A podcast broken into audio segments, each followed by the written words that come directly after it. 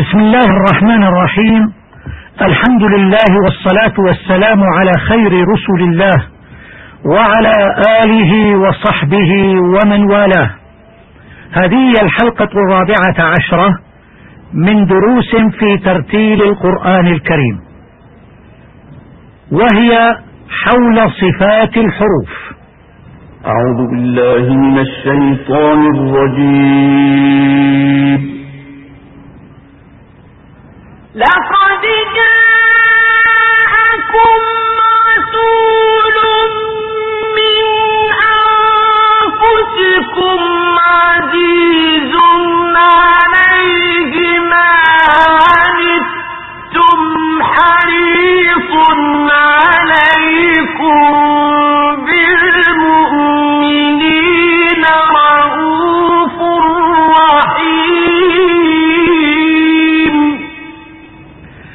كما أن لكل حرف مخرجا يخرج منه فإن له كيفية تعرض له تميزه في المخرج. وهذه الكيفية هي صفة الحرف. والصفات تنقسم إلى قسمين صفات متضادة وصفات غير متضادة. وسنتحدث في هذه الحلقة عن الصفات المتضادة وعددها عشر. ولا بد لكل حرف من حروف الهجاء أن يتصف بخمس منها إذ لا يعدو أن يأخذ هذه الصفة أو نقيضتها. أولا الهمس وهو لغة الخفاء واصطلاحا جريان النفس. عند النطق بالحرف لضعف الاعتماد على المخرج. أما حروفه فعشرة يجمعها قولهم فحثه شخص سكت. ثانيا الجهر لغة الإعلان واصطلاحا حبس النفس عند النطق بالحرف لقوة الاعتماد على المخرج وهو ضد الهمس. وحروفه ما سوى حروف الهمس التي ذكرناها سابقا. ثالثا الشدة وهي لغة القوة واصطلاحا انحباس الصوت عند النطق بالحرف لكمال الاعتماد على المخرج وحروفها ثمانية مجموعة في قولهم أجد قطن بكت أي الهمزة والجيم والدال والقاف والطاء والباء والكاف والتاء. وهناك حروف متوسطة بين الشدة والرخاوة وهي خمسة يجمعها قولهم لن عمر اللام والنون والعين والميم والراء. الصفة الرابعة الرخاوة وهي لغة اللين. واصطلاحا جريان الصوت مع الحرف لضعف الاعتماد على المخرج وحروفها ما سوى حروف الشدة وهي أجد قطن بكت وحروف التوسط وهي لن عمر. الصفة الخامسة الاستعلاء وهي لغة الارتفاع واصطلاحا ارتفاع اللسان عند النطق بالحرف إلى الحنك الأعلى وحروفها ثمانية يجمعها قولهم خص ضغط قذ يعني الخاء والصاد والضاد والغين والطاء والقاف والظاء.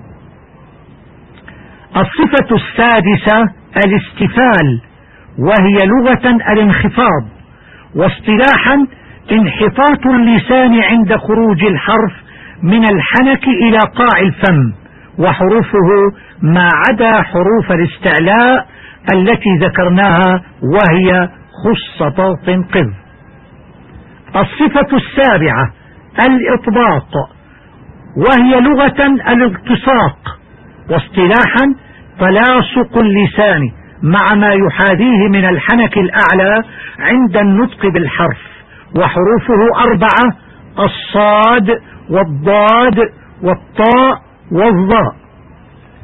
الصفة الثامنة الانفتاح وهي لغة الافتراق واصطلاحا تجافي اللسان أي بعده أو أكثره عن الحنك الأعلى عند خروج الحرف المنفتح وحروفه ما سوى حروف الإطباق التي ذكرناها وهي الصاد والضاد والطاء والظاء. الصفة التاسعة الإذلاق وهي لغة الفصاحة وخفة الحرف على اللسان. واصطلاحا الاعتماد عند النطق بالحرف على طرف اللسان والشفة يجمعها قولهم فر من لب أي الفاء والراء والميم والنون واللام والباء. الصفة العاشرة الإصمات وهي لغة المنع واصطلاحا ثقل النطق بالحرف وحروفه ما سوى حروف الإذلاق وهي حروف فر من لب. وسميت الأخيرة مصمتة لامتناعها من بناء كلمة عربية إذا كانت رباعية أو خماسية الأصول ما لم يكن معها بعض حروف الإذلاق وذلك لتعادل خفة المذلق ثقل المصمت. الخلاصة الصفات المتضادة عشر هي أولا الهمس وحروفه فحثه شخص سكت. ثانيا الجهر وحروفه ما سوى حروف الهمس. ثالثا الشدة وحروفها أجد قطن بكت. رابعا التوسط وحروفه لن عمر والرخاوة بقية الحروف. خامسا الاستعلاء وحروفه خص ضغط قذ.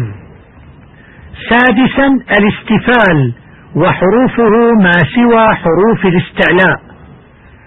سابعا الإطباق وحروفه الصاد والضاد والطاء والظاء ثامنا الانفتاح وحروفه ما سوى حروف الإطباق. تاسعا الإذلاق وحروفه فر من لب. عاشرا الإصمات وحروفه ما سوى حروف الإذلاق. التدريب. السؤال الأول ما أحرف الهمس؟ الجواب أحرف الهمس هي الفاء والحاء والثاء والهاء والشين والخين والصاد. حروف الهمس هي الفاء والحاء والثاء والهاء والشين والخاء والصاد والسين والكاف والتاء المجموعة في فحثه شخص سكت. السؤال الثاني ما تعريف الشدة لغة واصطلاحا وما حروفها؟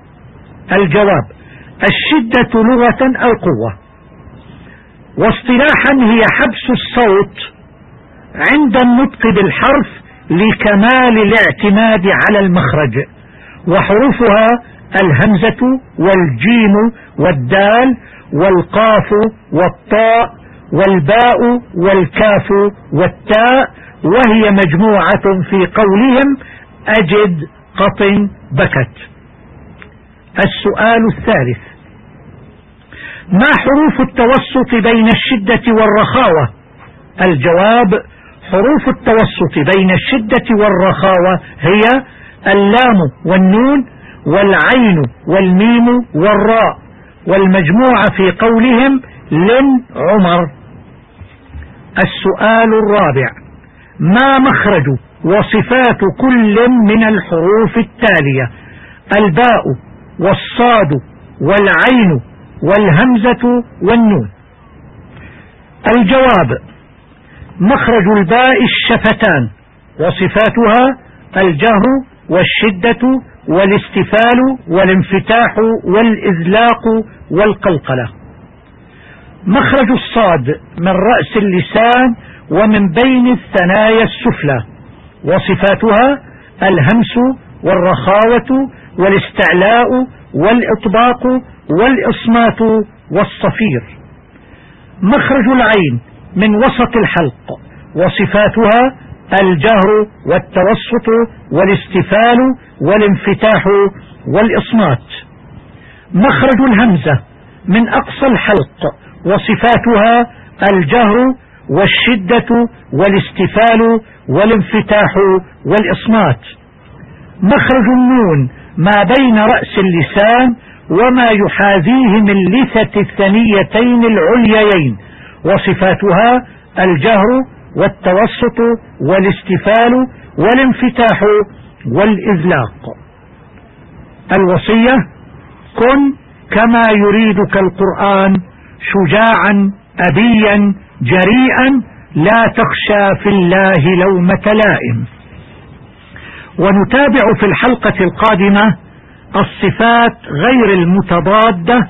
فإلى اللقاء والسلام عليكم ورحمة الله وبركاته.